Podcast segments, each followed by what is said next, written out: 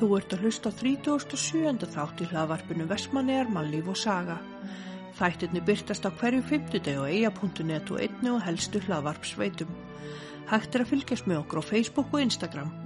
Í dag munum við ræða við Jóhannu Lilju Eiriksdóttur um líf hennar og störf.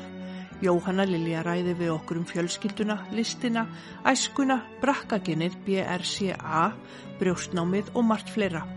Jóhanna Lilja er fætt 15. mars 1973. Í setni hluta þáttarins fáum við að heyra pistil um krabbavörn í Vestmannegjum. Heimildir eru feignar úr grein sem að Kristín Valtísdóttir skrifaði fyrir hönd stjórnar krabbavarnar og einni feignar af Facebook síðu félagsins. Ég hvet alla sem geta að styrka krabbavörn. Krabbavörn er mjög þart félag og ómetalegu styrkur og stóð sem það veitir þeim sem veikjast að krabbaminni hér í Vestmannegjum. Hægt er að finna reikningsnúmer krabbavarnar á Facebook síðunni Krabbavörn Vestmannegjum og á krabb.is skástik krabbavörn. Einni muni lesa upp númerið í lókpistilsins um félagið. Þátturinn var tekin upp í féló í kvítahúsinu við Strandveg í Vestmannegjum. Sæl og blessuð Jóhanna Lilja Eiríksdóttir Sæl Alma, og velkomin í hlaðarpið. takk fyrir. Hvað segiru, hver er Jóhanna Lilja? Mm, hvað að segja? Ég myndi segja að ég væri móðir, eiginguna, kennari, Mm, já, amma. já, Uh, ég veit svo ekki hvort ég hafa eitthvað fleiri hlutverk en smá listakona kannski? já, já, líka kannski, já. Ég er ein, ein af stopnendur lista á menningafélagsversmanni Já, og það er alveg frábær félagskapur, þannig en að Já, já, ég held að það sé bara það sem að maður er. Er allt í öllu. já. Og hverra manna ertu? Eh, Pappi minn heitir Eirik Rólásson Mm, og mamma Guðrún Ílstóttir. Eh, pappi er norrfyrringur og mamma fáskursringur og ég er alveg upp frá tveggjara aldri á fáskursring. já, Eh, bjó, ég bjó í Kópóinu fyrstu tvö árin, menn og pappi var í námi og svo flutti ég á fáskursrið tveggjara og var til svona 16 ára. mm, Var eitt sumar held ég eftir 16 ára. já. Og hvert fórstu svo? Ég fór í skóla Norrfjörð e, í eitt ár og bjó hjá ömmu. Var í verkmyndaskóla Östurlands. Síðan fór ég í fiskvinnsluskólan í Hafnafjörði. Já, ok. E, bjó á Seyðisjörði eitt sumar og, og eina páska og leysa á sem vegstjóriðar. Þá hef ég verið eitthvað 18 ára. Já, Og útskrifaðist úr fiskvinnsluskólanum 19 ára. já, ok. Spennandi. Þannig þú, og vissur þú bara alveg hvert þú varst að fara eða? Ég, æt, ég ætlaði alltaf á sjó. Já, Ég fór á sjó. það? Já, ég ætlaði bara alltaf að vera sjómaður. já, og ég fór á sjó, fyrst á Holmaborginu og Eskifyrði. Ég þekkti orðið alla held ég skipstjóra á fristutórum í síma, síma frá því ég var 16 og þangað til ég var ára 18. og þarna, svo réði, svo átti ég elstastráki minn, 20 ára. Mamma og pappi tóku hann fyrir mig og menn ég fór á rúsneska fristutóri í eitt ár já, og var vinslustjóri þar. Já. Og varstu það bara að vinna með rússum? Helmingurinn borðu voru rússar og hinn helmingurinn litáar Já, ok. og svo voru tveir íslendingar, skipstjóri og stýrimar. Já, ok. Hvernig var þetta æfintýri? Það var mjög mikil upplifun. Já, Það var eitt klósundubor, já, spennandi. hitt var gat í gólfin og handfeng. Það var mjög vondu matur, maður lærði að kingja beint Oh my god. og við fengum okkur sérkost svona eftir fyrsta, þannig við gátum elda okkur eitthvað smá, en ég mætti alltaf í mat. Já, Ég fekk ekki tvoðalega oft góða mat. nei, Eitt skipti sá ég rosa fínan nautalæri sveða innir í eldurs og ég flýti mig niður og ég fann fimm úlsega bytta í súrkáli með hýðis í skrunum. Ég fannst þetta nú ekkert neitt sérlega gott. En endist það það í eitt ár? Já. Hm, það telir nú bara gott sko. Ég kynntist manninu mínu þegar ég kom aðna í frí. Hann var að reysa aðna fisk, uh, bræðsluna á fórskursri. Já, Hann og Hallgrími Tryggva og, og Þorsteinn, segja spýtnum. Já. Þeir komið aðna austur að vinna og þar kynntist í manninu mínu. já. Og hvað heitir maðurinn? Hann heitir Herman Long. Já. Og hvað, ertur hann svo bara til eiga eða? Eh, ekki alveg strax. Nei. Ég, ég fór fyrst þarna til Þólasafnar. Já, ok. Fór að vinna þar sem vextjóri á sama fyrirtæki og ég var á sjóhjá. Já, Svo, hvað við kynnumst þarna í oktober, já, það eru 26 ár í dag. já, til við- með það. við kynntust. Og ég fer, já, frá, hætti á sjónum þarna og fer að vinna í landi í Þólasafn. Ég flytti í april. Já, síðan þarna kynnust í oktober og ég flytti í april til eiga. já. Og bara búin að vera hér síðan. Já. Og hvernig fannst þér eigan að taka við þér? Bara mjög vel. En mér var samt mjög förðulegt að vissu allir í Vestmannum að maður væri byrjað að slá sér upp með að herma væri að slá sér upp en það vissi það enginn á fáskursuri. það búa 750 manns á fáskursuri en hvað, 4000 manns í eigum. Já. Þau eru einn stór fjölskylda. Já. og þetta kom með sér í blöðunum. Já, ok. og hver setti þetta í blöðin þá? Nú hef ég ekki hugmynd Nei. en fyrirsag, fyrirsagni var stundum bregðast krosstrið sem önnur trið. Já, ok. og það var að Hermann Ingi Lang var í gengin út Já, og það ætti að taka einu rótt og, við að tokka næst með. Ég hef nú, nú Hallgrím tryggva gruna en um að hafa sett þetta í blöðin. já. Æ, já. Eða vinans, ég veit það ekki. Já, Nei, það er nú ágætti svinir að skella grein í blöðin þegar maður er búin að nást vikur. Já, en hvernig eru fjölskylduhægir þínir í dag? Eh, við erum tvö eftir heima. Já, Eh, elsti, hann Gunnar Reyndal, hann er 28 ára, hann býr í Kanada, Já, ok. giftur kanadrískri konu. já, Eh, Lárus Garðal, elsti okkar, hann er miðlungurinn okkar segja nú en eh, við eigum hann saman. já, Hann er bandarækjanum í háskólagólu já, og svo er dóttirinn á Selfossi, já, ok, fór í FSU núna já. Þannig að, og barnabarni í Danmarku.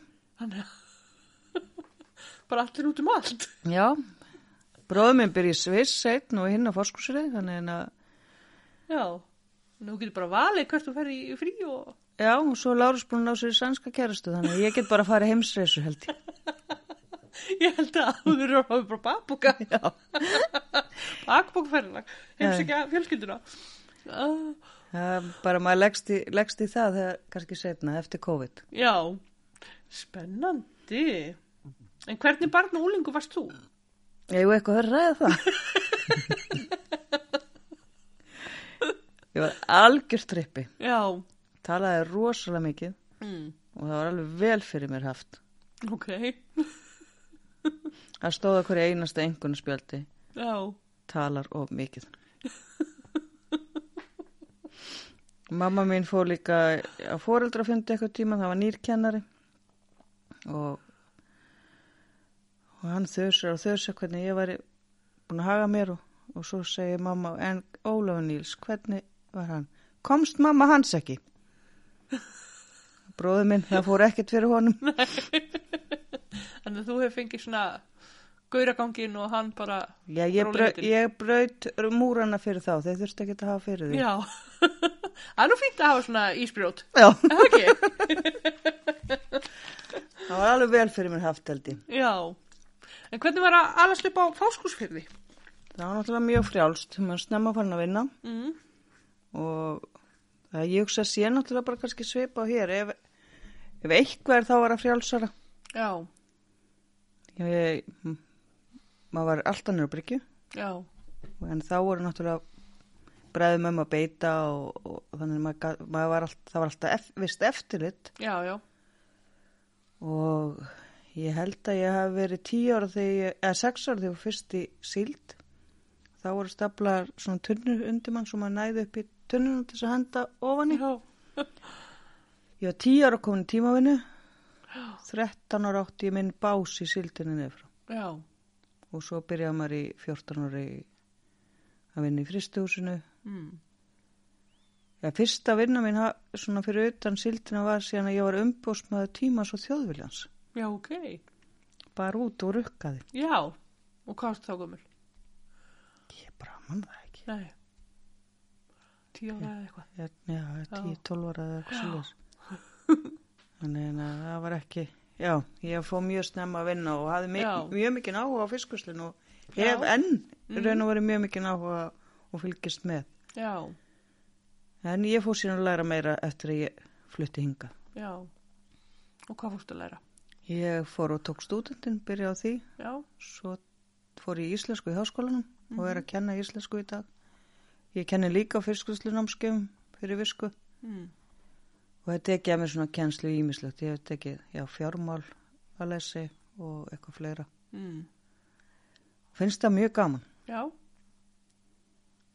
og hérna íslensku fyrir útlendinga hef ég mjög, mjög gaman að því að kenna. Ég er búin að kenna það í 11 ár. Já, finnst það svona, já, gefa manni mikið tilbaka já. Þannig að það er nóg að gera í kringu þig. Já, svo er ég náttúrulega í lista og menningafélina Já, mitt. og var að forma brakkasamtakana Já. Þannig að það er nóg að gera. Já. og hvað hva er þetta hanna og, og hérna, og list, listmennskast? Ég byrjaði, á, já, ég byrjaði á því að fara að mála hérna á sínum tíma með Benno, hjá Benno, þegar hann var að kenna. Já, Var ég ykkur tvö ára að leika með mér við það og svo var ólíðan svona lyktin heima og ég pakkaði þessu bara niður í tösku. mm. Snerti þetta ekki neitt eftir að ég, e, af því krakkan voru litlir og ég vildi ekki Mm. vera með þetta og, og bara hendi þessu á loft. Og svo e, gengi inn í gal, þegar ég var í hérna, galeri Tyrkjagutu Já. í hvað ætlum við að verið, átta ár, eitthvað svo leiðis. Mm Ég er ekki alveg viss en það voru allavega þó nokkuð mörg ár. Var í þeim félagskap lengi og svo endaði með því að við ákvæm að hætta þar sem átti að hætta okkur leiguna og þetta var orðið mjög mikil vinna líka á fáar Já. að við ákvæm tókum það ákvörðun að hætta. mm. E, en það var alltaf svona blundaði með svona vinnustofur já, að geta sko unnið einhverstur annars þar að því ég var í átta fermetrum heima já, komið fullt af leðri, róði, saumavölun, tækjum og ég komst bara ekki fyrir. já, Eh, Fyrir kostningarnar, bæjarstjórnum kostningarnar síðast, þá fekk ég Jóni með mér og við fórum upp í sjálfstæðsflokk, byrjuðum þar og, og svo þurfti Jóni að fara í vinnuna þannig ég held áfram og ég fór á alla flokkana mm. og allir fannst þetta mjög góð hugmynd þannig að það var eftir kostningar þá fengum við konni með okkur líka.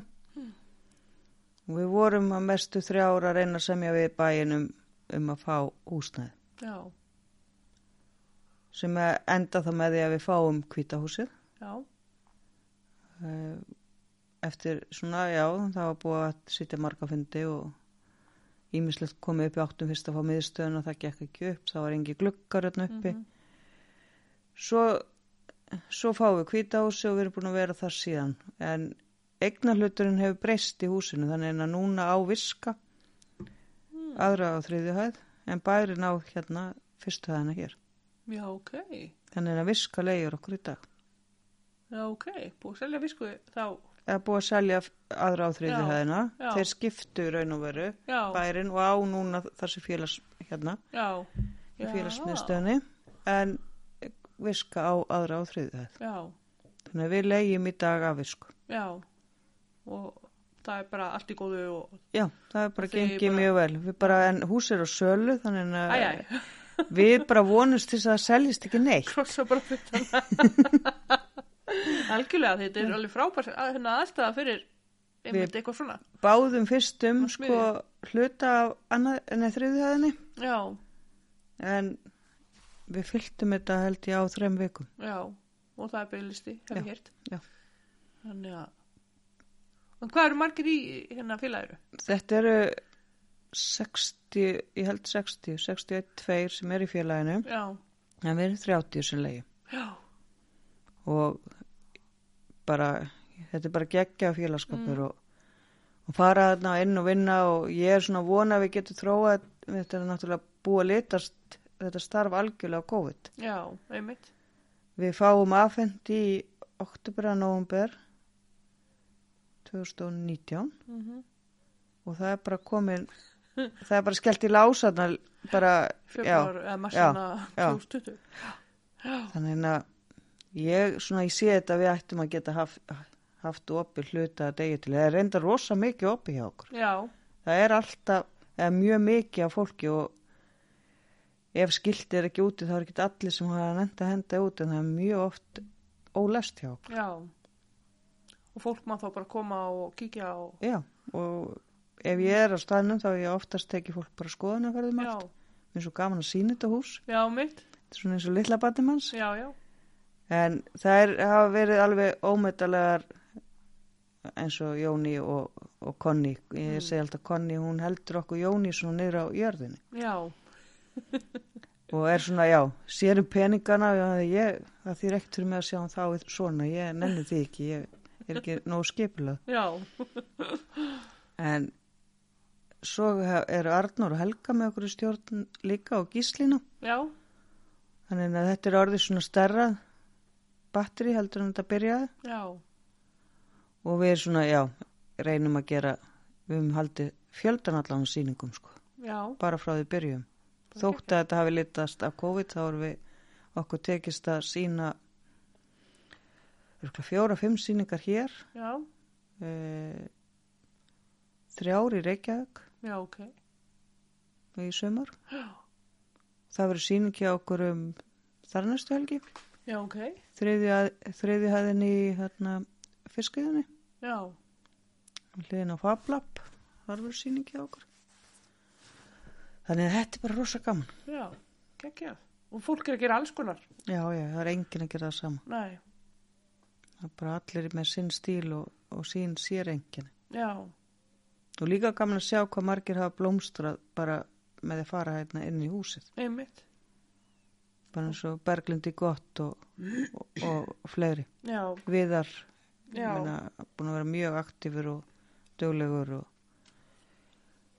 svo að námskeið þarna um þar síðustu helgi sem að við hans skila sér alveg helling það voru tíu, tíu manns frá okkur á námskeið sem viska hjælt og það voru bara frábæra myndir sem kom út úr því já, meina, já, þetta gengur bara rosa vel já, geggjað. En hérna, finnst þið vera mikill munur á samfélaginu hér og á fóskursfiði? Nei, í raun og voru ekki.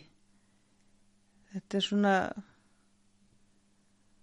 þetta er svip, svona, ég það er kannski, ég hef náttúrulega bara úlingur þegar ég er á já. fórskursur og batn, en mann finnst alltaf þegar maður kemur austur að allan fólki sem áttu heimar þegar maður bjóðar Já. að það, það helsa mann allir eins og maður hafi sem, sem hann í gær. Já, Ég fekk nóg að Reykjavík, sko, ég gæti ekki búið þar, ég, og mikið smábæða manneska í mér. já, Lendi að strákurum minn opnaði þvóttavel á söð og fekk 95 gráð heitt vatni í fætunar og ah, þetta var í þvóttási blokk. Ég þvótturinn lág ennþá á gólfinu þegar ég kom halvum mánu setni í þvóttarúsið. já, ok. Ég hefði ekki séð þetta gerast í smábæ. Nei, alls ekki. Það vilja, maður finnur samhugin, leið og bjátur eitthvað á, leið maður finnur, þú veist, leið og það er eitthvað Einmitt, að þá finnur maður svo mikið samhug og það er ekki reykjavík og, og þurfa að panta tíma til þess að fara í heimsótt eitthvað, þetta er ekki ég. já, Ég, ég var ekki, ég myndi alltaf velja með landsbyðina til þess að búa. já, já, Það er alveg á hreinu. já, ég held að ég sé það líka. Þannig við eigum það samvegilegt. Já, alveg pottitt. En hérna, Já, þú ert sérst formaður í, nei, hvað sagður, formaður? Ég var að formar. Varaformaður í hérna, í brakka. Já. Og, Ég gekk inn í það bara uh, síðust aðalfundi. já, og fyrir þá sem ekki vita, hvað er brakka? Uh, brakka er, ég er með brakka 2 Mm. og þetta er svona krabba með skén. Ok, Ég er með stökkbreytt eh, brakka 2 gen. já, sem að þýðir á, Sem að því það að ég, það er 85% líkur að ég fá krabba minn. já, ok. Og það er bara alls, alls konar krabba með. Nei, það er brjósta Mm. eggjastokka og sortuæksli. já, Í sumum fjölskyldum er það brís já, en ég vissi ekkert, ég var búin að sækjum á sínum tíma hérna arger hjá Kára að fá að vita hvort ég væri með brakka 2. já, Ég fekk neysvar. já, ok. E, svo f- fæ mamma krabba með henn og ég fæ með henni í erðarágjöf og það tekið s- síni og hún fær að vita að hún er ekki með erfalegt krabba minn. Ok, Svo fæ ég símtal, uh, já, mér er sér búin að sleppa því að svara fyrra símtalinu að ég var að byð hjá Nóa eða eitthvað, númer 20 eða eitthvað og ég nefndi ekki að svara, ég sagði að þeir hafa ekkert mér skild að segja. já, Svo daginn eftir fæ ég símtal aftur og þá svaraði ég og, mm, og hérna, þá fæ ég að vita það að ég er með stökkbreytt brakka tvögin frá pappa mm, og þetta er bara önnu stökkbreyting heldur en Kári er að rannsaka. Hann rannsaka bara eitthvað eitt landnámsgen sem hann getur farið með aftur til landnáms. Já, en ekki þetta gen sem ég með er, þeir geta bara tengt við annarkvort langu ömmu eða langa afa. já, ok, Og það eru til þó nokkra stökkbreytingar á Íslandi. já, Það er eitthvað runa fyrir aftan sem Já. segir hvaða stökkbreyting já, það er. einmitt, já. Þannig að, Þannig að ég er eiginlega búin að hella mig smá í þetta starf. já, Byrjaði náttúrulega á því að fá svona smá áfall. já, eðlilega, Það sem var ekkit alveg í þarna fyrst á eftir ekki fyrir en ég er búin að fara í skoðanir og fæ að vita það að ég sé ekki komið með krabba minn. já, Sem eru náttúrulega forréttindi að vera í þeirri stöðu að mm, geta gert eitthvað. algjörlega, Og ég byrja að hjálpast inn á svona súmfundi á brakkarsamtökunum. já, Þá var ég byrjuð í ferli hjá landsbytalanum og þá fæ ég að heyra það að það sé annar læknir sem að sé í klínikinni mm, sem hægt er að fara hjá en hann, hann sé niðurgreitur sko frá tryggingustofnun líka já, og er einn helsti sérfræðingur í brakka já, og fyrirbyggjandi aðgerðum. já, Þannig ég banta mér svona tíma bara með það að ég ætlaði bara að fara fyrr. Ég var, ég var alltaf að loka sér skurstofur út á COVID og vildi bara fara og aðtuga það. mhm, En svo tek ég fyrsta fundin, eða fyrsta tíman og það var ekkert aftur snúið. Ég hefði aldrei farið aftur upp eftir að hafa hitt þennalæknir. já, Ég fekk bara svona tröst á honum já, mitt, og hann ákvað að fara hjá hún. já. Þú fórstu á í fyrirbyggjandi aðgerð, Já, 21. desember þá fer ég í brjósta mingun. Ég Mm. með það stór brjósta, hann vildi ekki taka þetta í einu lagi. mm, 15. mars á ammálinu mínu, og þá fer ég brjóstnám. já, Já, í februar fer ég að taka ekkjastokkana mm, og Nei, já, ekkjastokkana í februar, 15. mars fer ég brjóstnámið. Svo fæ ég sýkingu í júni og það þarf að opna mig aftur. Að skóla út já, og skiptum þennjara. já, Þannig að já, þá í brjóstunum, já, Ég er með þennjara, ég fer einu sinni í mánuði söðu núna já, og það er verið að sprauta saltvatni í þennjara eða búðana. já, já, fórstu í svona, svo, hérna, til þess að byggja upp aftur. Já, til þess að byggja upp aftur. Það var þetta byggt bara upp svona svipað og, og ólétt kona að vikkar húðin. Já, einmitt, Það var smátt og smátt sett í. já, Og ég á allavega eina aðgerð eftir til að setja búðana, Mm. einn plantu varanlegt mm, og svo eina til tvær fýtufyllingar meðfram. já, Þannig að þetta er ekki búið. nei, þannig að þetta er alveg Þetta er svolítið löng ferð. Já, já, ég er búin að fara 23 svo sinnum til Reykjavíkur. Já, aðeins. og þetta er ekki niðugreitt. Nei, þeir segja þetta sé fegrunar aðgerðir. Já, það er mjög sérstætt. Já, ég, ég er búin að kæra þetta og ég fekk niðurstöðun daginn og var ekki ána með niðurstöðun en það þarf lagabreitingar. Já, Þannig að núna ætla ég ekki að láta þá í friði sem er á þingi. já. Já, ústu, minna, það gerist ekkert ef mann gerir ekkert. Nei, nei, þetta er líka aðalega fyrir þá sem koma á eftir manni. Einmitt. Þeir þurfu ekki að vera að berjast fyrir að fá. Það eru konur sem búa fyrir vestan, það eru konur sem búa fyrir austan Einmitt. Og þurfa að taka kannski flug upp á 40 skall, Í hvað skipti? 23 og sinnum. Mm Ef það eru þar óhefnar að lendi öllu ferlinu eins og ég, Já, sumum nægir einaðgerð. En ég var, fór ekki í þau, Nei, nei. Nei, og svo náttúrulega fara þessi sýkingu og allt þetta. Já. Þannig að það eru x mörg skipti sem þú þarft að fara út af því, er jú, jú. Þannig að, að þú veist að já, að vera, standa kannski frammi fyrir því að vera kannski með ung börn og nýbúin að kaupa sér húsnað og búa kannski á Ísafyrði eða. Fáskursfyrði að Já, það er rosalega kostnæður. já, Við höfum þó Herjólf og Landahöfn og það er ekki dýrar að fara í þólásöfni ver eins og Já, var. já, Þannig að ég er í betri stöðu heldur en þær konur. já,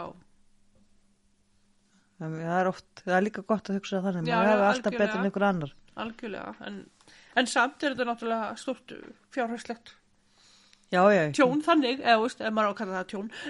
ég, ég á mjög góða mann sem að stendur alveg við baki á Já. þannig að það er náttúrulega bara það sem heldur manni á floti. Já, algjörlega.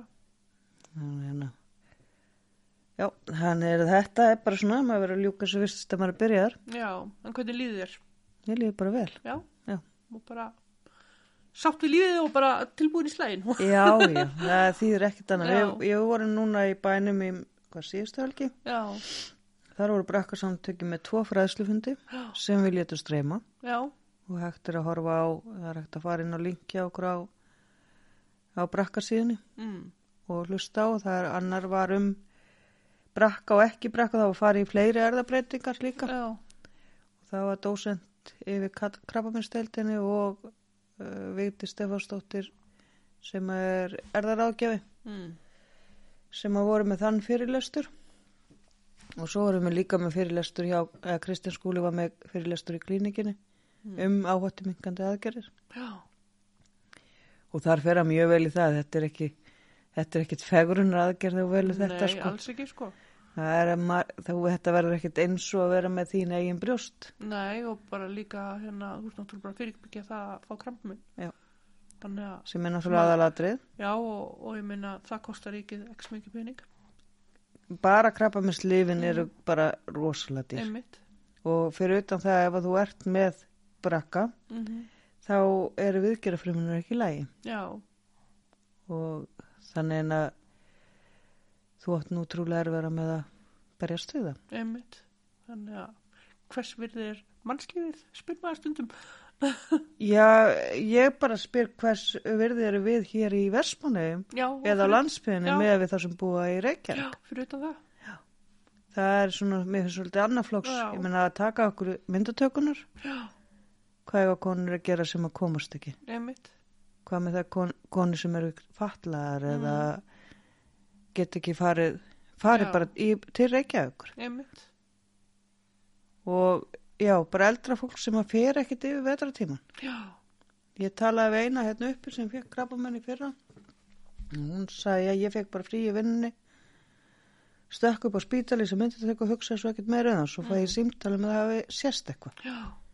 Hún sagði ef að það hefði ekki verið hér, já, þá hefði ég pottið ekki farið fyrir bara árinu eftir þegar kæmu eða kannski næsta sumar. mhm, Þá hefði ekkert verið nóg fyrir mig að láta skera og ég hefði bara, þú veist, þurft litla meðferð. já, En þetta skiptir rosalega miklu máli upp á greiningu snemma. já, algjörlega. En það erum við komin eftir Norrlöndunum, við vorum fyrir fram á þau. Já, Og þetta, já, þetta er svona málefni brennur á mér að já, þetta sé í lagi. algjörlega. Og mér langar að þessi ljósmyndasýning sem við opnum líka opnum í hérna hvað heitir þetta Ramstein, hérna Galleri Ramstein mm. Njálskotinu, opnum á laugadeinum síðustu helgi og verður opið í mánuð Já, Svo ljósmyndasýning er um stelpu sem er 25 ára þegar hún fær greiningum um brakka mm.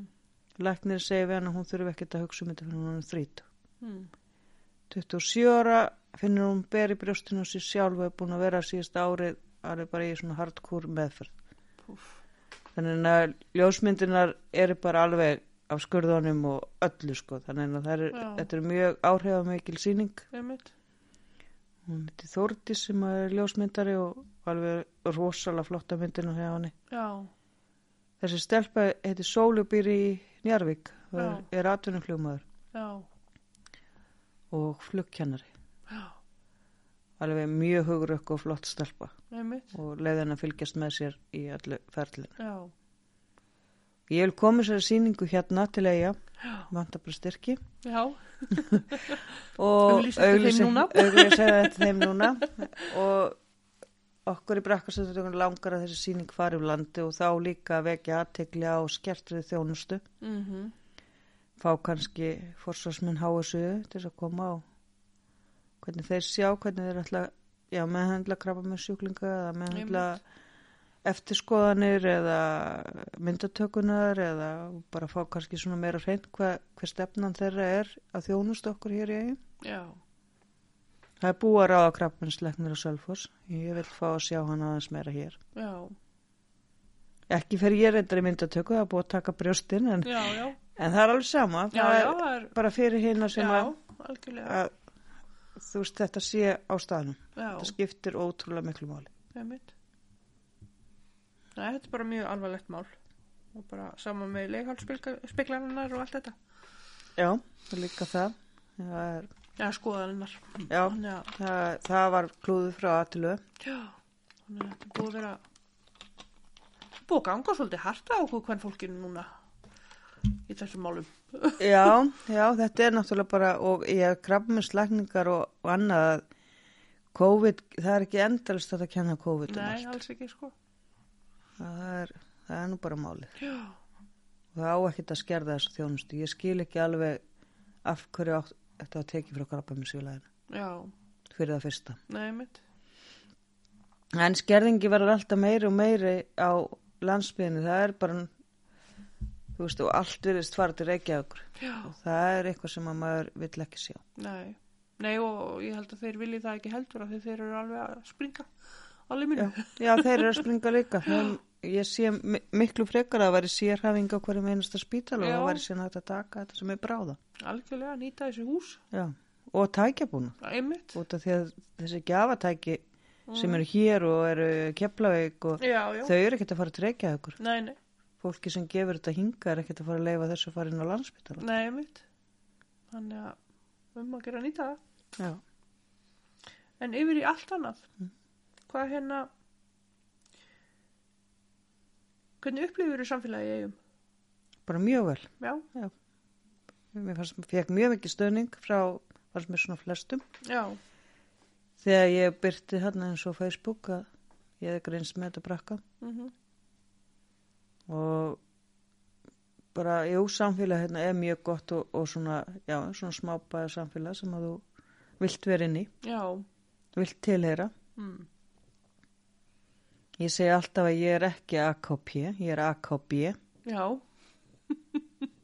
Og hvað, fyrir hvað stendur svo samstöð, skamstöðun? Aðkomi kynbætur. Já, Ég er búin að alveg þrjá versmanenga á þessum 25 árum sem ég er búið hérna. já, Þannig ég segi ég segi aðkomi kynbætur. já, en ertu bara orðin svolítið vestmanningu líka?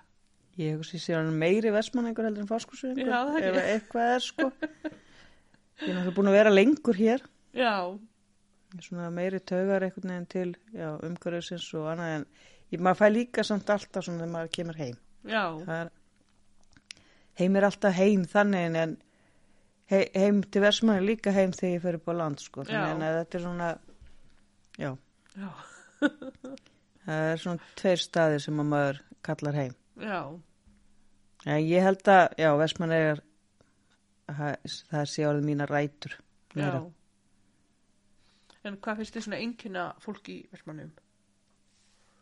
Það er svona samstæða, glaðlindi Mm.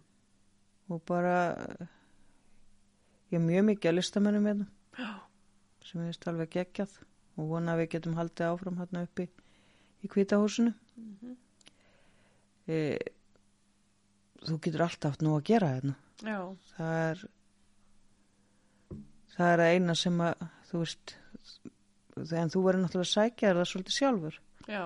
vera inn í félagskap og, og ég hef alltaf verið að vasast í eins og þessu galleríinu listinni hérna og núna reyndar hérna bættistu gólfið fyrir tveimur ára síðan mér finnst það geðvegt sko en, og hellisóla líka það fer mjög mikið þanga á sömurinn Já.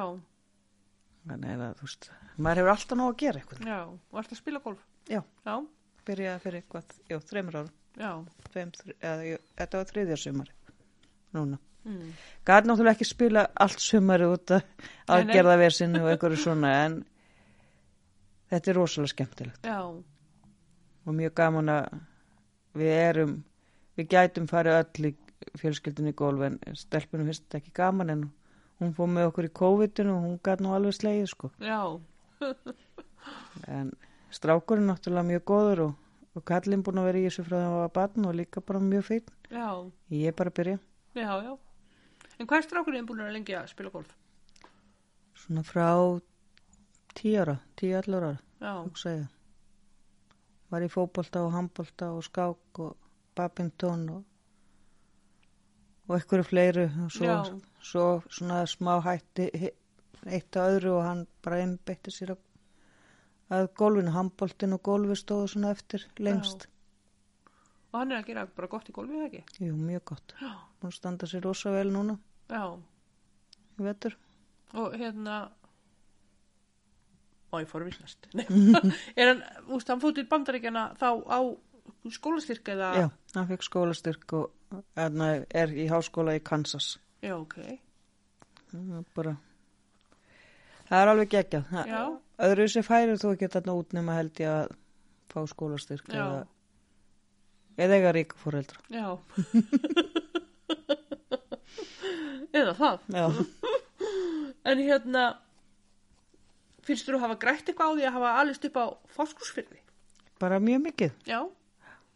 svona já, sjálfstæði Mm þú varst mjög snemma farin að vinna er svona sjá fyrir þér sjálfsöldi mikið mm. eh, átti náttúrulega bara mjög góða esku og mjög góða fóreldra Mm. og tvo yngri bræður Já. þannig að ég grætti bara mjög mikið á því Já. Eina svona sem ég sé öðruvísi er kannski hér og á fórskursur hérna er náttúrulega framhalskóli. Mm Þannig að krakka taka framhalskóli hérna þá bindast einhvern veginn vinaböndin sterkar held ég Já. á þessum úlingsárum. Já, mitt. En ef þetta er í huga fara kannski í skóla á Norrfjör og fara svo í fiskvöldskólan þar sem að næsti nefndi fyrir ofan er eiginlega bara tíu árum eldri. þá, þá er það svona svolítið öðruvísi en maður hefur eignast rosa marga vini bara hér eiginlega í eigum finnst Já. mér meira Já. eftir að maður kom hinga kem náttúrulega inn í stóra vinahópi á manninu mínum Nei, mitt. og tókum við allir mjög vel Mhm. vegna svo líka, líka bara mína vini og, og svo bara gegnum lista menningafylgja eignast fullt af vinum Já. stór hópur þar sem kemur inn Nei, mitt. og mm, já maður bara líka sá svolítið eftir að maður greindist hverju svona stóðum mann næri en aðri Já. og ótrúlasta fólk sem að já fann standa virkilega við baki á mann Já. Þannig að maður græðir held ég alltaf á öllu. Það er alveg sama hvernig, hvernig það er að maður já, græðir alltaf ykkur að vinni. Já. En hérna, já, þú bara hérna, segir og vilt ekki svara. en hérna, eins og með brakka, Mm -hmm. hvað gerur þau til þess að fara og fá niðurstöðu um það hvort þú sérst með brakka eða ekki? Sko, getur náttúrulega látið íslenska erðagreiningu greina hvort þú sér með brakka en þá bara þessa tilteknu stökkbreytingu. Já, Þannig að því að hann rannsaka bara eina. já, já, já. En svo eru bara fullt á öðrum breytingum komið en brakka í, í ljós, bara mis þá mörg prósent sem að er þá sem að eigur hættu á krabbamenni. Já, Þetta er alveg, það er hægt að hlusta á fyrirlesturinn hjá okkur, þetta er alveg einhver átt að þekktar stökkbreyt, eða þú veist, Já. breytingar já, í dag. já, Og Kristaskóli fyrir mér sem mjög vel í það, það eru einhverja þrjára um þar sem að það er rálegt að fara í fyrirbyggjandi aðgerði síðust að mikil hætta eins og brekka 1 og brekka 2 já, og einhver einönnur, ég held að það sé ATM, minni það. já, Það er ekki alveg að fullir það en nei. það er svona einhverja þrjá breytingar sem hann mæli það með fyrirbyggjandi en hinum þá kannski lifja meðferð eða breyting á lífstíl eða já, einhverju öðru. einmitt. En best er að fara bara á landspítalan í erðadeldina Mm. og eins og þetta með brakka að þú, ef að foreldreinir eru sko ekki með brakka þá ert þú ekki með brakka. Já, Þannig ef að fólk vill vera alveg örugt Mhm. þá er best að senda foreldra sína og þá eru að vita hvort að sískinni séu það með eitthvað breytingu. já, já, ok, já, þetta helst alveg svoleiðis, ég Já. hendi bara alveg. Já, þar sem að e, það er til dæmis hjá, hjá mér þá er Gunnar minn með þessa breytingu Já, og en Lárus ekki. já, ok, Þannig að stelpan hans Gunnars og ef hann á fleiri börn þurfa Mhm. að fara í rannsókn. E, Lárus, viðst að hann veri ekki með breytinguna, mhm, þá er hann alveg áhugilus að hann, þetta erfist ekki mm. áfram. já, Og eh, dóttir mín er ekki búin að fara, það er ekki ráðlagt að fara í tjekk fyrir að ert árið 18 ára. mm. Þannig að hún ferð bara þegar hún nær aldrei en hún Mm. hún er 16 eða ekki í dag. Jú. Já, er, þannig að það er bara, já, þetta fer alveg eftir já, já, þetta, þú ert, færði þetta ekkert neitt svona frá einhverjum afa eða ömmu eða Nei, nei. nema þetta er að gengur alltaf það er 50% líkur á því að mín börn já, erfið þetta. einmitt, Geta öll sloppið en geta öll fengið það líka. algjörlega. Þetta er alveg, já, ég er bara orðlaus. Maður er ekki búin að, einhvern veginn, ús bara, ég var búin að sjá, ús búin að gera hana síðu og svona, lesa svona smá en, maður bara ekkert búin að pæla nýtt meira en það, sko.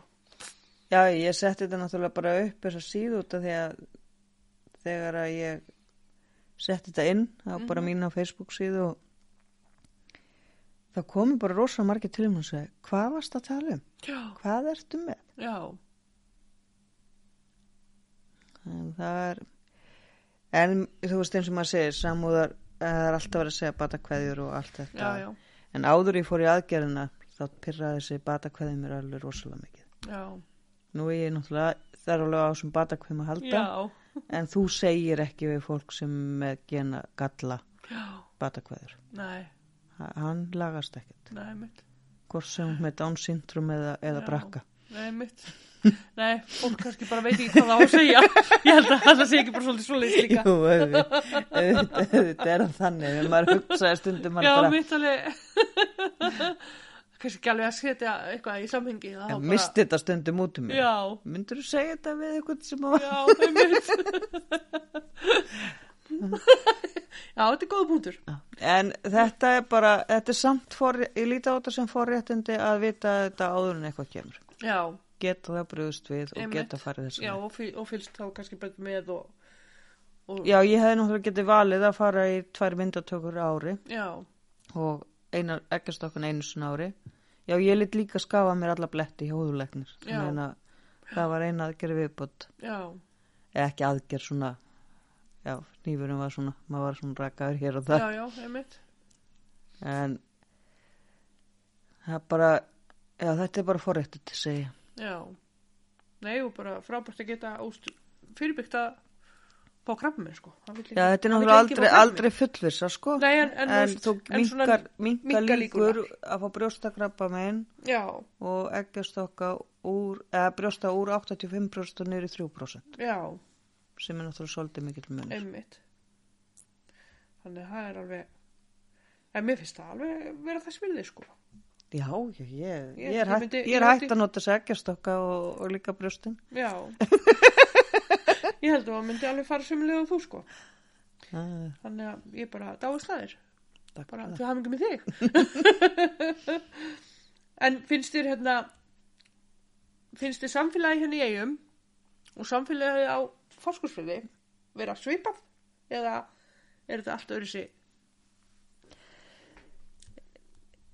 Vissuleiti svipað en vissuleiti allt öðruvísi. mm. Það sem að kannski 750 manna beðulega getur ekki gert það sem að 4000 manns búa. Það er Já. miklu meira lífi hérna. Það er, það næst alltaf í handbóltalið. Það er fótboltinn. Það er, jú það er fótboltalið reyndar að fórskursir sem að stendur mjög vel. já, En þannig náðist ekki alltaf í handbóltalið. Maður var eiginlega yfirleitt í frjálsum eða skýðum mm eða eitthvað svona. Ég var nú svo sem ekkert mikil íþróttamanniska en maður svona, ef maður hefði haft tækifæri til þess að fara í fimmleika til dæmis, já, þá hefði maður gert það, það var ekki. já Og það stóð, þegar Ísjölega brann hérna, þá skoðum við það fullri alvöru að flytja östur. já, Það var svona smá dumbungur hérna yfir Já, og mitt. svona neikvæðni og svarsýni. já, já, En þá var verið að reysa álveri fyrir austan og allt í uppgangi þar. Mm. Við skoðum það. Ég sló eiginlega meira á puttana, ég bara, nei, ég vil ekki búa þarna og, þú veist, ég með líka aldrei á Norrfyrði. já, Ég fara, vildi ekki einu sinni vera þar um helgar, mér fannst að, já, ég svona bara hálgjur einelti þar. já, Þannig að ég bara vildi ekki vera þar og hefði aldrei fluttað þangað. já, Þannig þá var maður búin að stróka út staðin sem var með, einn, með framárskóla sem að ég hefði þá haft áhuga að kenna þá meira já, og einna stærri stöðunum. einmitt Svo alveg, nei, það er alltaf svo lítið líf hérna og þetta var svona þarna og, ég, og það er ekki handbólti hér og það er ekki þetta hér. Og, en þú ert með þetta allt hér. já, Það er fimmleikar, það eru fótbolti, það er handbólti, það er gólfi, það er, þú veist, fyrir krakka að alast upp hérna þá hafa það miklu meira val. já. Já, Jú, það er einhver, einhver fimmleika fyrir austan núna en það þarf að keira með þau á milli staða og já, blakið er nú stert á sumu stöðum þarna sem er ekki hér en ég held að að vera með börn hérna þá hefur þau bara miklu meira val. já, Björgunarsveitin, jú það er lítil björgunarsveit fyrir austan líka en skátan eru hér, þeir eru ekki ekki svo ég viti fyrir austan, það getur vel verið að sé eitthvað af þessu í Já. dag sko. Já, já, en þú hefur bara meira val. Já. En hvað finnst þér ábóta vant í eigum? það er helbriðstjónustan eins og allir segja. Get ekki átt börnin sín einna lengur ég átti mín börn hér. Geggjað að eiga börnin sín hér og þurfa ekki að fara upp á land og geta bara fara upp á spítul þegar maður er konar stað. Mhm, ég vorkinni fólki sem þarf að gera þetta í dag að fara upp á land. Einmitt. Er eins og ég og enga ætti að gera ekki já, ekki til að flytja inn á nei, allavega einmitt. Nei, og bara tilherandi bara vinnutap og kostnaður og minna, ert að fara kannski þreim vikum, fjórum vikum fyrir Já, tíman, en ég veist alveg verið búið að vera nóvinni tapja manninu mínum í þessum ferðum mínum og aðgerðum söður hvað Já. þá að ef maður væri á þessum aldrei að vera að býða kannski mánuð í bænum. Já, er, þetta er ekki þetta ábar ekki að vera svona. Nei. Nei, og líka því við erum með alla aðstöðu. Já. þannig að Við erum komið í pólskan hérna tanglækni, við ljótum að geta fluttin eitthvað skurlæknir og svæðingalæknir. Það er verið náttúrulega skurlæknir að hluta til en, já, en svæðingalæknirinn. Já. Spurningum fara bara að auglýsa. já, eða þú færi bara í nám Sko ég er búin að, le- ég fór aftur í nám síðan eftir íslenskuna. Ég, Já.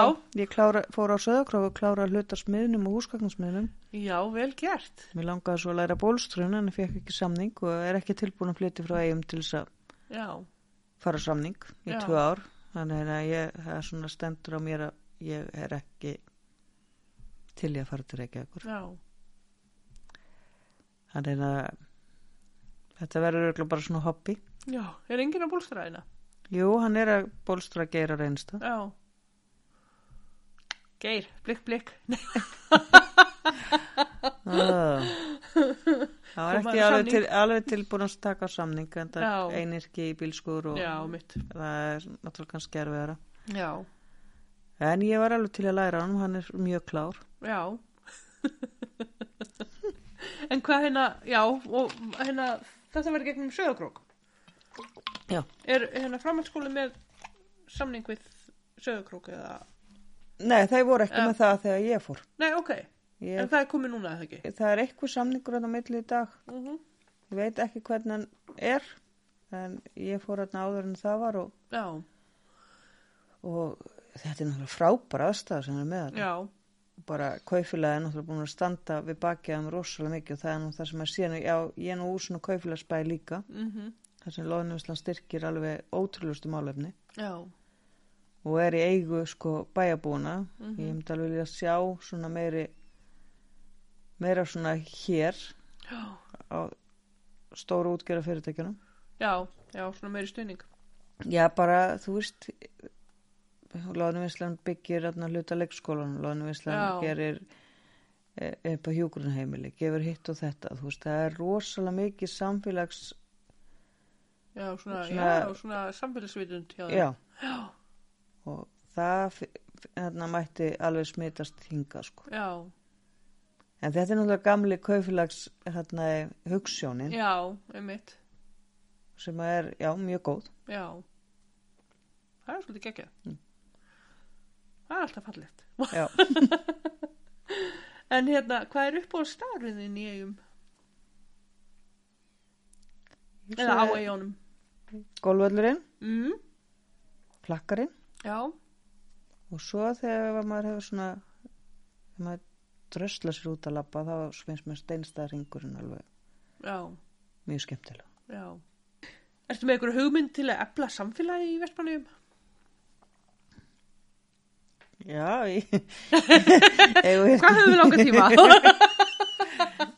það er náttúrulega helbriðstjónusta. Já. Við þurfum náttúrulega bara að fá, þarna, það þarf náttúrulega bara að hrist upp í þessu batteri. já, Bara algjörlega. virkilega. Já, Og það gerist náttúrulega ekkert ef við þegjum bara. nei, mitt. Og mér finnst líka bara, já, alþingismenn mætti fara að hugsa aðeins meira í sambandi við helbriðsmála. Að skera niður. Já, þetta er ekki, þetta er ekki bara niðurskur. Þetta er líka það að bara eins og þetta á klínikinni Já, að ég þurfti að borga þarna eina nótt á klíninginu sem kostar 97 krónur. já, En ríkið hefði þurfti að borga fyrir mjög landsspítalanum 190 krónur fyrir sömu nótt. En þeir voru ekki tilbúin að borga klíningina. já, Það hefur verið að borga undir fólk í liðskipt að, að gera til svíþjóðar með sko aðeina með sér 3 miljónu þegar hægt að taka já, þegar hægt að fá sömu aðgerð í enga geranum á þú veist upp á landi fyrir 1,2 já.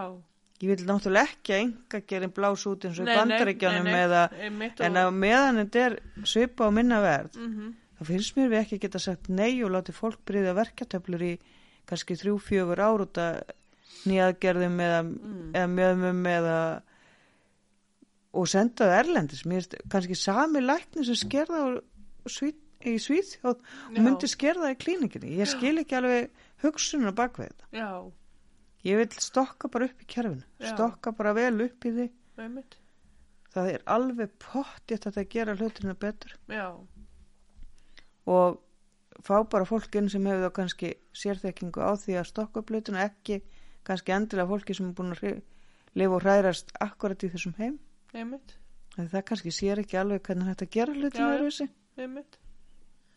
þannig að ég, það vil ég sjá svona og ef að það er meiri penning þá þarf meiri penning Já. en ég er ekkert viss um að það sé endilega það sem að ég held að þetta sé stundu líka svona báknir orðið svo mikið hjúgrunarfræðingur situr í tölvinu og gera ekki annan að í þessu heilu skýslunar lækninu gera það sama er ekki hægt að ráða ykkur eitara sem bara sér um að samin þetta eða gera þetta auðveldara eða hanna tölvukerfið þannig að þetta sé bara Mhm, að þú getur bara eh, helst bara tala inn á þetta og þetta prentist og þá getur þú sint þinni vinnu á mhm.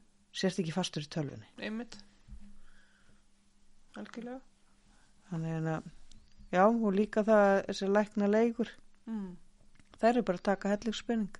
Já, Ég er svona meira á móti þeim, út af því að maður fær aldrei, út á landi og fara aldrei saman læknarinn. já, Þú tala tíu mismunandi menn og þú ert alltaf að byrja upp á nýtt. einmitt. Já, meira svona fá þessi lækna til að vera út á landi. Já, Það er nú allar svo slemt að vera þarna. Já, ég segi það, að það er ekki já, slemt. nei, Ég vissum að við gætum fengið ef að, já, já, ef það væri bara húsnaði í bóði eða, já. Það er nú komið laun. sem eru fluttir hinga aftur. já, Eða fluttir hinga bara og sumir okkur aftur og aðra ekki. já, vonandi verða þannig en Mm. það sé það hægt að ég fer alltaf til hjálta út það er einu læknin sem ég þekkjar og einu sem hefur verið hérna. Já, Og ég nenni eiginlega bara ekki til hérna. já, Út af því að hann, ef maður lendur okkur með öðrum þá er hann yfirlt farin í vikun eftir. já, Þannig að maður býður stundum í fjóra til fimm viku til þess að fá tíma hjá hann. já, já, já. en þeir eru náttúrulega góðu læknir. Já, já, já. Já, góður, Prómóta sko. hjálta þinn alveg. Nei, já, það er alveg rétt hjá þér. En er eitthvað annað svona heldur en bara heilbriðismálin? Já, náttúrulega bara kannski stöðningur við listir og menningu. Mm -hmm. Það svona kemur þarna eftir. Já, En mér líður bara rosa vel hérna eins og allt er, sko. Ég, það er ekki það að þetta sé, ekkert að sliga þig. nei, Nei. mig ekki þannig einn. Bara, það, er verið, það er bara búið að gera ótrúlega margt flott hérna í eigum. Já, já, Og þá bara er ég ekkert að tala um síðustu ár, heldur bara síðustu áratögi mm sem hefur bara verið mikið þróun í mörgu ég mitt. og áörgleftur að halda áfram. Já, Það er frábært eins og þekkingasetur eða allir, allir þessi fyrirtæki saman inni á einu svona svæði. já, Gróskan þar er mikil og þessi nýsköpun og annað sem er að koma núna það vonandi verður það frábært og ef þið taka lagseldi á land þá er það mjög spennandi. mm Þannig að það er margt spennandi sem er að gerast og já. En hvað er að gerast í þekkingarseturinu? Ég, þetta er náttúrulega bara svona eins og þessi háskólastyrkur og þessi Eina sem ég þekki líftekni með og þekkingarsetrið er bara nafnið þekkingarsetrið. Ég veit ekkert hvað er á bakvið það. ég, er náttúrulega vinn hjá visku sem er, er hluti af þekkingasetrinu Já, ok, eða leigir þarna inni í þekkingasetrinu. já, Þarna er náttúrulega eins og náttúrufræðstofnun og, og hérna í mjaldranir og þeir eru með aðstöðu þarna Háskóli Íslands, eh, já, ok, KFBM, já, er það ekki KFBM? Nei, byrju, KPMG, já, já, já, já, eitthvað skapstöðun, já, þeir eru með bókaldskrifstofu þarna, huginu með skrifstofu, mm, helbriðs eftirlitið, já, ok, Já, það er bara fullt og svo er þeir náttúrulega konu með þarna samning hérna í samtöð líftekni, eitthvað. Já, ok, Lóan, heitir það ekki það verkefnið nú erst þú að segja Ég mér er þetta, engin sérfengur í þessu verkefni en Nei. þetta er allavega svona spennandi og já, gæti aukið já, atvinnum möguleika hérna. Já, og er fablab líka komin þarna inn, Já, Já. Fablab er komið á hæðina fyrir ofan. Já, ok, sem er náttúrulega, Fablab er náttúrulega einstaklega flott. Já, algjörlega, og margt þetta, já maður þurfti eiginlega að gefa sér meira tíma til þess að vera þar. Það já, er- algjörlega, stundu vantar bara tími í sólarhengin já, það er mjög skemmtilegt svona konsept, og Frost er náttúrulega búin að gera frábæra hluti með Fab já, algjörlega, en hérna, hvað ertu að gera núna? ég, er að, en að tala um ég er að kenna. Já, uh, ég er með freka fánámskeið í gangi núna með að við svona venjulegt, það verðist vera verðist vera svona erfitt að koma fólki út eftir COVID. Já, ok, ég er að kenna núna í vinslustöðinni tvo tími viku. Já, fer ég bara niður til að kenni þar. Já, svo er ég að kenna íslensku eitt hjá hérna, í þekkingarsetrinu. Já, Eh, það eru fjóri tímar á viku. Og svo er ég með kaffihúsa námskeið hvað er kaffihúsa íslensku. Það? þá bara sitjum við og bókunum og málfræðin er hendun í tösku Já, og ég kem bara með svona lista eins og í dag þá kom ég bara með öll orð sem við datt í hugu í sambandi við að elda og spæla egg eða fletja út eða hnoða eða þú Já. veist alls konar svona Já. orð og ef mat eða áhöld og legg það bara fyrir og svo bökum við pitsu og, og tölum saman Já, ok. á íslensku Já, og þetta er svona, já, held ég það sem gæti verið rosalega skemmtilegt að þróa áfram. já. Hvernig gengur þetta? Við erum búin að heitast þrísvar Já. og það er bara búið að vera frábært sko. Já, Við erum frábæra krakka þarna eða fólk, sem, Mhm. eða fullar fólk já, já. uh, og bara tala mjög góð íslensku og Mm. sumir þóra lítið að tala þú veist, fyrir utan kjænslustofun en er að byrja Já, og já, ég met það bara mikil sem þau reyna já, og leið og re- reyna þá er þau mjög fljótan á þessu já. Og er þetta hérna fólk sem að býr henni í eigum sem að er af erlendu bergi brotið? Og þetta ekki háleit hjá mér. Nei, er þetta hérna meiri hlutin frá Pólandi og Nei, alls annað. Já ok, Það er Pólandi, það Já. er Tjekklandi, Bandaríkjanum, já, Úgrænu, uh, Búlgaríu. Og já, fleiri stöðum. já, Það er bara alls annað. já ég hérna, eins og segi ég bara sko ákvað að vera með þetta hlaðvarpa því að ég hérna var eiginlega bara alveg bara dottur út úr samfélaginu var bara heima var hægt að þekka fólk þannig ég veit eiginlega ekkert hvað er í gangi að núti sko Nei, nei, nei, þetta er svona, já, þetta er rosalega gaman og þetta er mjög skemmtileg vinna. já, skemmtilegt Er ekkert, en það er samt maður þarf að hafa aðeins fleiri námskeið til þess að það sé svona, já, maður myndi kalla þetta fulla vinna. já, já, Hefði alveg vilja að vera með fleiri og haft meira að gera í þessu. já kemur það ekki með hækandi sól Vonandi þegar þetta COVID fer svona, Já. en já, slakna á þessu öllu þá vonandi kemur það. einmitt, Það er svona, já, maður heldur í vonuna. já eru margir kennarar hjá visku ég er svona, eiginlega eina sem er búin að vera svona mikið. já, Svo er eins og það skrifstofskóli núna og þá eru er oft sömu svona starffræðakennarinn sem taka sér inn og þessi þessar starffræðafonga. mhm Ég var með grunnmentaskólan í íslenskunum þar í hitti fyrir örgla. Það var mjög skemmtilegt líka. Þá er það fyrir fólk sem er að fara aftur í nám já, og uh, þá eru, já, þá eru oft fengnir kennarar úr framháskólanum eða barnaskólanum til að kenna hinfögin þá og þá er það yfirleitt eitt og eitt námskeið. já, Ég hef svo sem verið að gera meira hjá visku heldur en bara að kenna íslensku. Ég hef verið að kenna eins og fjármálulesu, ég hef verið að kenna fiskunsluna og ég hef Mhm. verið að kenna nýlega námskeiði fiskunslu þar sem við vorum með einu sinni. Það er svona nokkuð dottið upp fyrir sig núna. Svo ef, ef við þurftum að hugsa um kaffið eða hendi salat eða eitthvað þá gerir það bara líka. já, já hleypur í það sem það þarf að gera Já. já, það er nú það nú flotti starfsmenn sem gera það Þannig en að ég er svona verið ímsuðar og líka bara mjög vel. já þetta er spennandi og eru margir sem hafa verið að fara í gegnum visku í gegnum tíðina Mjög margir. já, alveg margir byrji það er náttúrulega líka allir háskólaninni taka prófi í vi- visku já, ok þannig að prófatörnin hefur oft verið mjög mikil í desember og já, Og maí. sem- þeir sem eru þá í fjarnáminu og já, háskóli Já. Íslands, háskólinn á Akureyri já, háskóli Reykjavíkur tekniskólinn, sjómanaskólinn já, ok og um, nokkri fjölbreytaskólar mm. já, bara flest allir skólar á landinu sem að fara, að fara þarna í gegn sko. já skemmtilegt. Þessi ármúli hefur verið með ykkur þeir sem hafa verið í fjarnámi þar og já, Já, ég bifröst. Mhm. Helling farið þar í gegn líka. Já, bara eiginlega allir skólanir já. Það er spennandi. Sem bjóða upp á ykkur skona fjárnum já. Og svo eru alls konar svona öðru sinnámski líka.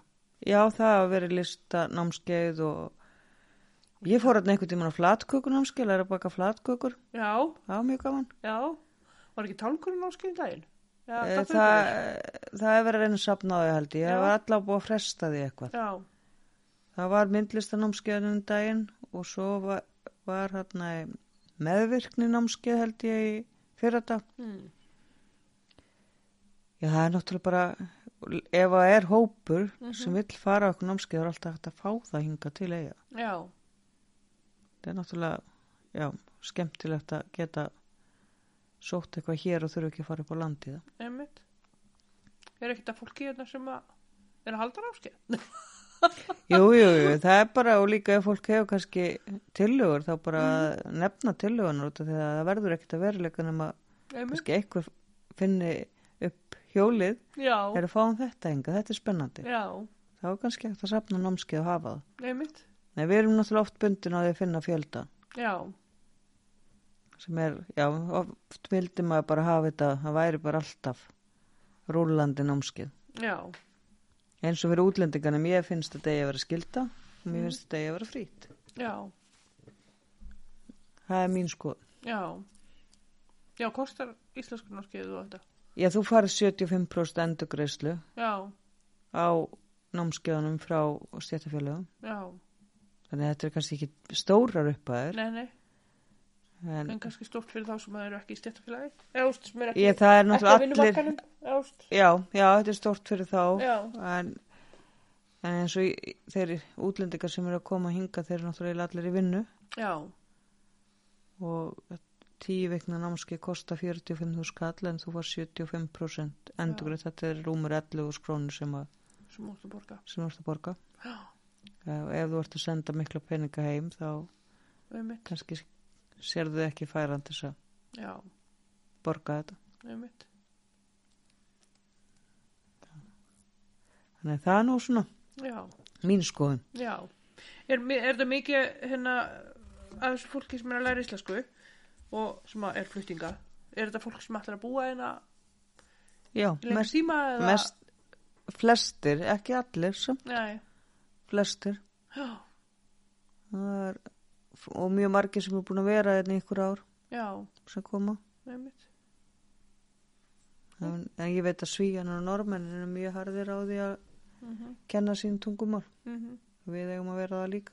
Já. Nei, mér bara dáist að fólki að vilja flytja bara, ást, bara til Íslands skilur. Bara kallt hérna. og- nei, nei, þetta er ágætt Ágætt Ísland. En hérna, ertu prakkari? Já, já, en kannski minna núna. Heldur en ég var. Hvað er stæðista prakkarastriki sem þú gert? Já, ég þarf að segja það. Svo lengi sem það hefði ekki brútið lögin. Við vorum alltaf að stríða strákurinn sem voru tveimur árum eldri en við. Þeir fengu stundum svona óþveið. Já, Eh, Þetta var nefnilega rosalega svona, bekk, við vorum tíu til tólf í bekk sko. já, Sex stelpur og fimm aðeim svona, allan fjóra til fimm sem voru svona vel uppfinningasamar. já, Og ef það var kallað upp til skólastjónast þá var, voru við eða strákan sem voru tveimur árum eldri en við. já, Og það var oft svona smá stríð á milli og eitt skiptið dætt okkur í huga láta leipa okkur inn í íþróttamiðstöðunum þegar þeir voru farnir í leikumi. Sömdum við stelpunar að hvort einn stelpun get ekki fara að klósta og lefta okkur inn. mm. Hún gerði það við fórum og leikum okkur að því að líma döfumbindin ykkur einustu nærbygsur og setja smá tómasús í það. Svo fórum við bara út.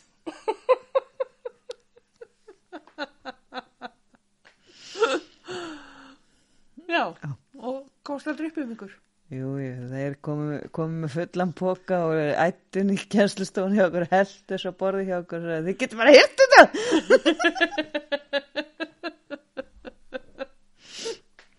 þetta var ekki eina prakkastrykki, það voru mörg svona þegar maður var eitthvað. Já. En svona þegar þú stóðan eldri? Eitthvað svona Nei, prakkarast? það var ekki verið mikið. þess úr því.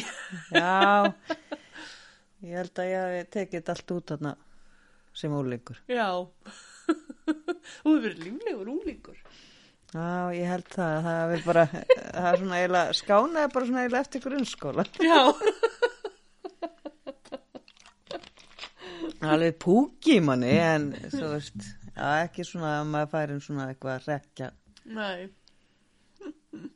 Við settum svona, já, þú veist, það var yfirleitt, vorum við ekki með sama kennarann um í hálft ár. Já, ok. Og markmiði var alltaf að hann yrði ekki nema hálft ár. Við svo mynd segið það. Það byrja ég að læja á þau.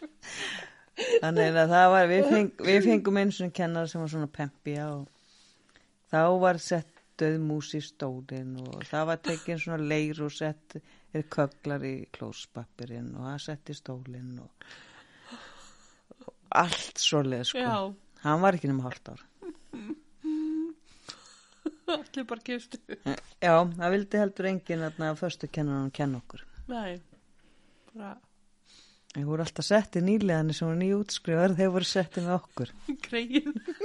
Þannig að þess vegna er kennaraskortur í dag. Og svo hérna fengum við kennara held ég að vera í áttundabökk. Já. Það voru búin að láta svona nokkur ár. Hann tók okkur gjörsala á sálfræðinu, eða þau hjónin. Það var Gunnar, hann er dán í dag, dói fyrra. Og var okkur rosalega mikið svirði. Mm. Hann var svona eini kennan sem að sínda okkur virðing og og tók okkur alveg, þú veist, við gerðum ekki held innum eitt prakkarstök, þá var hann bara búin að, þú veist, hann, hann var bara svo frábara, hann, já, Já. og konan hans, eða þá var konan hans setning, hún var Já. alveg byrjun áttur á því að græta hann og hún lappa á tíma hjá okkur og eitthvað svona, en hann, tók okkur bara beinið og, og þau urðu okkar bestu vini bara. Já. og við heldum sko ef við heldum eitthvað eða hittust eitthvað þá var alltaf ringt, ringt í Gunnar og öllu Já. þau voru bara, já, svona stóð okkur svona næst Já. ég veit ekki hvað hefði orðið með suma, eða mína útskrift og fleiri og þau hefði ekki komið Já. þegar maður gæti alveg lært Já, já. bara nefndi ekki er mitt. Bara fínt að vera ekki eitthvað svona í staðinn. Það finnir ykkur að leiði til þess að losna við að læra. já, ég sprengja skýta fyrir bomburinn í stofu eða einhverja sprengjur eða eitthvað sko, þú veist, bara allt sem okkur dætti hug Já, ég er alveg bara hissað því að að vera í skólanum. stálum bjöllun einu sinni eða innan úr henni það var svona bjalla sem hann fór sló sko húsverðin, það var náttúrulega breytn húsverður Já. og þá voru settur bramarsbjöllur í skólan þá kæfðu við þær og það var svona, ímislegt bralla Já. Það hefur verið skemmtilegur skóli. Allar að líflegur. ef ekki segja þetta var líflega bekkur Já. Já, voru hinn í bekkinir ekki svona? já, kannski þessi strákanir sem voru eldri en við Já.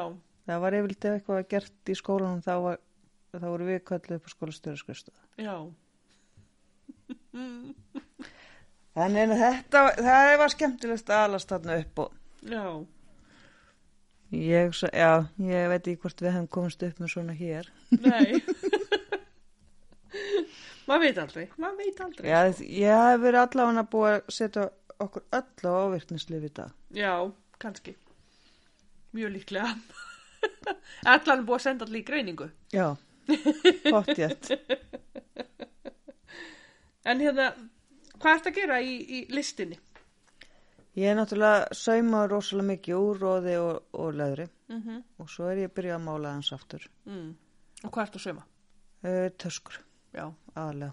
Já. Ég er að sauma húur líka Mm. og svo hef ég verið að prjóna og hitt og þetta en svona aðalega að vera í leðrinu og róðinu. Já. Og hvað ertu hérna með, ert með heimasíðu líka eða?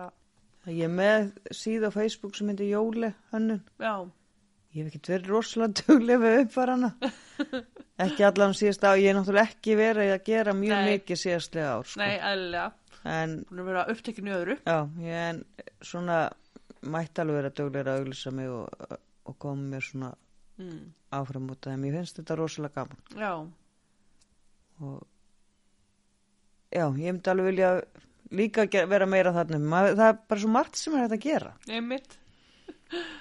Man langar að gera. Já, þú að fá bara fleiri klukktíma í solarhengin. Það er því allra best, sko. Já, Já, og svo er hann líka að náttúrulega kannski ætti maður að rífa sig fyrir upp á mótnana og gera meira. já, þegar maður kennir svona kvöldin þá verður maður alltaf einhvern veginn já, svona, ég er svona bímanniski já, hef alltaf til verið það en þú veist, já, Já. þegar maður vinnur líka kvöldin þá verður maður ennþá meiri bí einmitt. Algjörlega. Og hvað hérna, hvenær fegstu áhugan á að vinna með liður? byrja Og bara eiginlega rosalega óvænt Mm. þegar ég útskrifast úr háskólanum þá hafði ég bara ekkert að gera Já, eða mér fannst það já, ég bara ég var að byrja að vinna eitthvað og, og þú veist jú, ég var með börn og mér fannst ég samt bara að hafa 100 klukkutími í sólarhring. Mm. Eh, þannig að ég einhvern veginn byrjaði að gera eitthvað spángir. Já, fekk að gefins eitthvað að leðri og panta eitthvað róð og byrjaði að prófa mig áfram í því. Mm hafði oft verið að föndur eitthvað að platta og hitt og þetta og var í country málingun og sín tíma og já, já, allt þetta sem hefur farið inn og út upp, þú veist, verið að fyrkt eitthvað við það. Já, og olíumálingun og þetta. Já, ég byrjaði í því, svo langaði mér alltaf að læra að sauma. Þannig ég kefti mér saumavel fekk bílaðar saumavel og var alveg halvt ára að berjast við tvær saumavelar sem ég fekk bílaðar. Mm. alveg hissa að ég hafi haldið áfram sko. Já, en síðan þá er ég alveg búin að kaupa nokkrar. Og haldið svona áfram að ja, þetta er bara þróast alveg sístu 11-12 ár sko mm. sem ég verið að brasa í einhverju í sambandi við leður, og róð já, ég útskrifast þarna 2009 held ég Mm. 2008 eða 2009 minnum já, ég er eiginlega búin að vera síðan já, og svona já, mér finnst þetta mjög gaman að mm. gera eitthvað í höndunum einmitt. Og hvað hérna, útskrifaðist 2009? íslenskunni Já, íslenskunni, alveg rétt. Já. Varstu þá byrjuð í þessu áfyllu líka? nei, ég fór bara eftir það Já, eftir það. já, Mm. það hafði ég ekkert að gera Já, maður kemur sér alltaf í eitthvað svona Já. það er annarkvort hvort sem það borgaði ekki þá, maður, að- þá finnur maður sér alltaf eitthvað að gera sko. einmitt.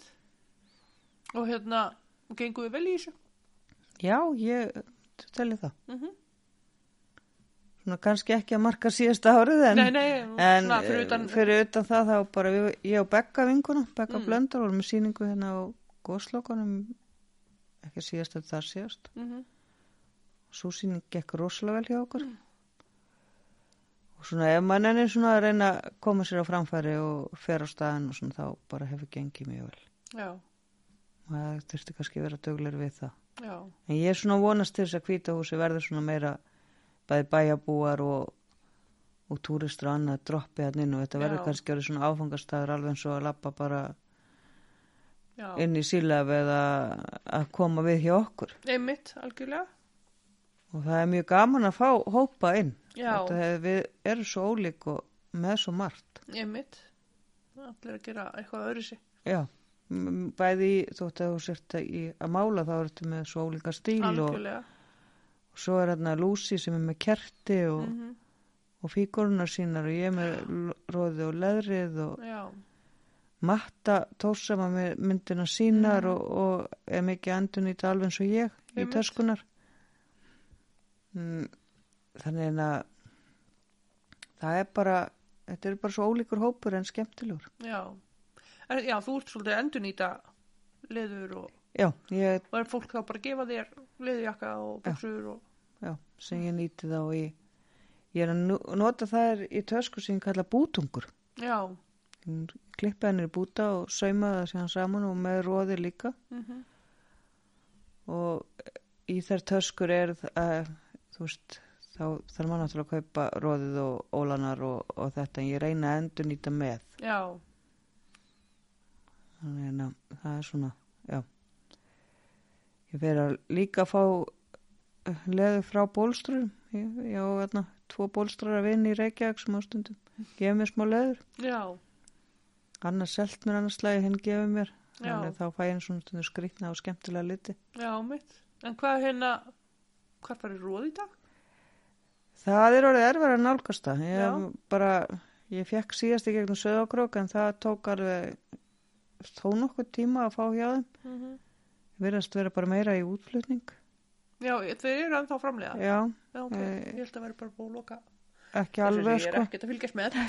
ekki alveg, ekki, ég er náttúrulega ekki búin að panta lengi, ég pantaði fyrir já, meir en árið síðan og þá pantaði ég helling og ég er enn að nýta það. Já, fór svona, tók svona aðra stefnu eða fyrir einu hálfur að byrja að endur nýta meira. Mm var alltaf með bara nýtt leður en kaupa byrjaði, leður og, já, ég byrjaði svona að endur nýta meira og, og finnst það mjög skemmtilegt þegar þá ertu bara með eitthvað vist og þú þarft bara að finna út hvernig þú púslar þessu saman og hvað þú gerir úr þessu og það er svona þá ertu svona já meira heldur en að jú, hitt er líka náttúrulega að ræða þessu Já, saman já. og gera eitthvað en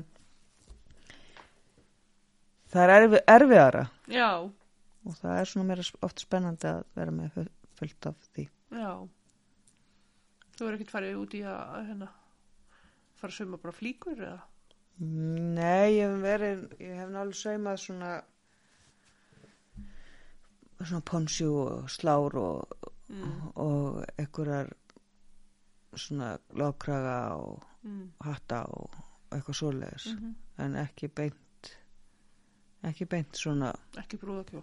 nei, ég hef eng, enga enga þekkingu í það sko. Nei, ég, ég, mér finnst þið líka grófinnan skemmtilegri. Ég er Já. að lemja þarna niður og þetta er svona meira líkt í að vera smíða heldur en jú, jú, ég er að sauma þetta er meira, þetta er svona samblanda báðu. Já, þetta er ekki svona að þú sést að strauja niður eitthvað einfaldan kant eða setja tegjur eða eitthvað svona, þetta er miklu meira gróft. Já, ég er ekki vissum að ég væri góði því að gera eitthvað svona fínt.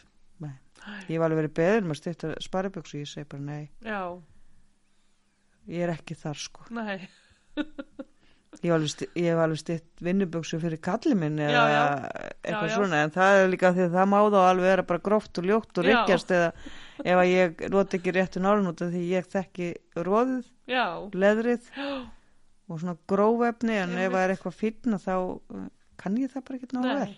komin þangað. nei, En þú varst að læra, hvað, húsgagnasmiði líka?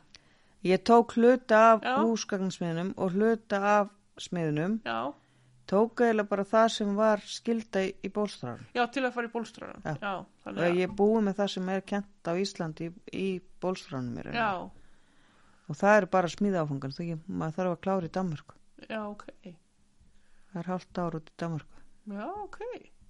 Það er alveg hörku ná. Já, pluss þessi tvö ár sem þú þarf að taka Já. undan á samning sko. Já, mitt, þannig að Hmm. ég svo sem veit ekki hvað ég geri ég, það er engin veit sína framtíð nei, nei, hvort ég verði bara í því að gera töskur og veski og bara Já. verði ána með það já, það er bara, kemur bara í ljós já. Eða farir allt inn á vit ævintýrana og kikið til Danmörkur. já ég sé það nú svo sem ekki núna sé svo sem ekki einu svona ég myndi flytja frá eigum sko Nei, en aldrei segja aldrei nei, mitt. Maður veit ég ætlaði aldrei að fá mig sílikon Einmitt. Ég ætlaði aldrei að kaupa mig kvolp. Þannig að já, þannig að já, ég held að segja aldrei að segja aldrei já, líðið vel í Vestmanni? mjög vel, Mm. eins og ég segi, ég er ekkert að fara hérna Nei. Þannig að við bara sittum upp með því. já, algjörlega Glöð eru við. Algjörlega sko Já, það er alveg já, mér finnst það alveg mjög ólíklegt ef ég tæki þá okkurinn já, það þurfti eitthvað mikið að koma upp á einmitt. Eitthvað svo þú vilt segja í lokin? nei, bara takk fyrir, gaman að koma Bara takk helga fyrir að koma og aldrei að vita nema að ég pikki þið aftur ykkur tíma nú. Sjá hvað þú ert að brasa þá. Já, Þá ekki máli. kannski þegar þú nýkom frá Danmarkun eitthvað.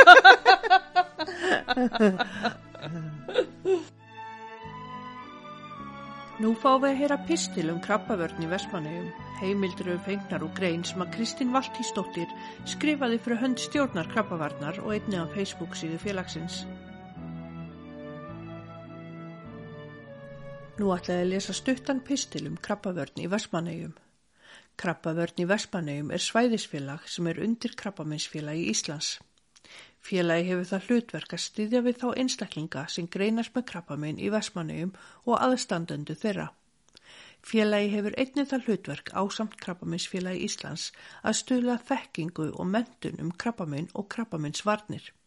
Ebla krabbaminsrannsóknir meðal annars með söpnun og vísindalegri úrvinnslu upplýsinga. Beita sig fyrir leit að krabbaminni á byrjunastígi, styðja framfarir í meðferð krabbaminna og ummunun krabbaminsjúklinga.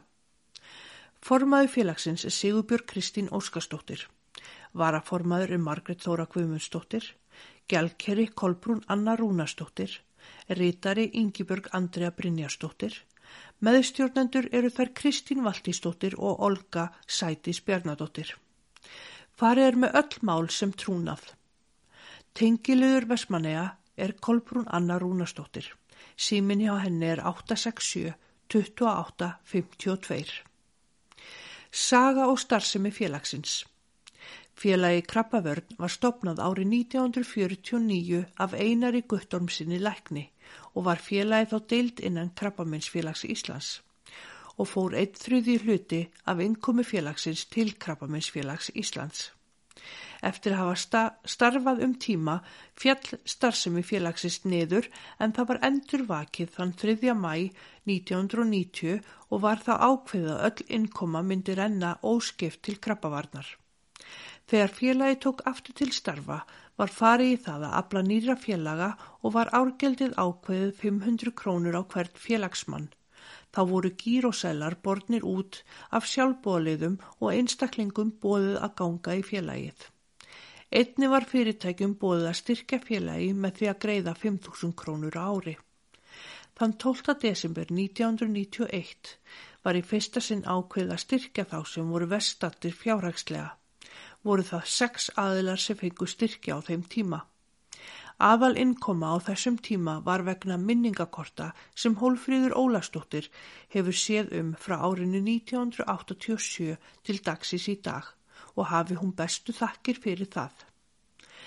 Fyrsti formaður eftir endurreist félagsins árið 1990 var Kristín Baldvinsdóttir og satt hún sem formaður til ársins 2003.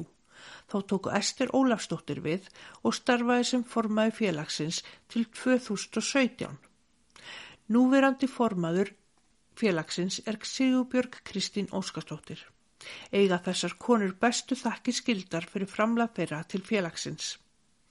Í dag ranna allir styrkir óskiptir til krabbavarnar sem er ómetalegt fyrir okkar eigamenn. Félagi borgar ákveðna upphæð fyrir hverja ferð sem farin er í meðferð við krabbaminni sem kemur sér vel fyrir fólki þessari baráttu. Því oft þurfa einstaklingar að fara yfir hafið til að sækja krabbaminsmeðferð. Krabbavörn á marga velunara sem hafa staðið við baki á félaginu og er stjórn félagsins afar þakklátt fyrir þá. En því miður eru allt og margir sig greinast með krabbaminn og er því starfsemi félagsins nöðsynleg fyrir samfélagið. Við skulum ekki gleyma því að félagi rekið engungu á styrkjum. Stjórn félagsins reynir að halda vel utanum sitt fólk og er hittingur í Arnóndrangi á þriðu dögum milli 1 og 3 og þar eru allir velkomnir. Á miðugötaskvöldum klukkan 8 er karlahittingur. Þær sem sitja í stjórn krabbavarnar eru ávalt reyðubúnar að veita allan stuðning eins best og þær geta. Fyrir þá sem hafa áhuga á styrka krabbavörn þá er hægt að leggja inn á reikningsnúmerið þeirra 0582 26 2000 og kennitalan er 65 10 90 20 29.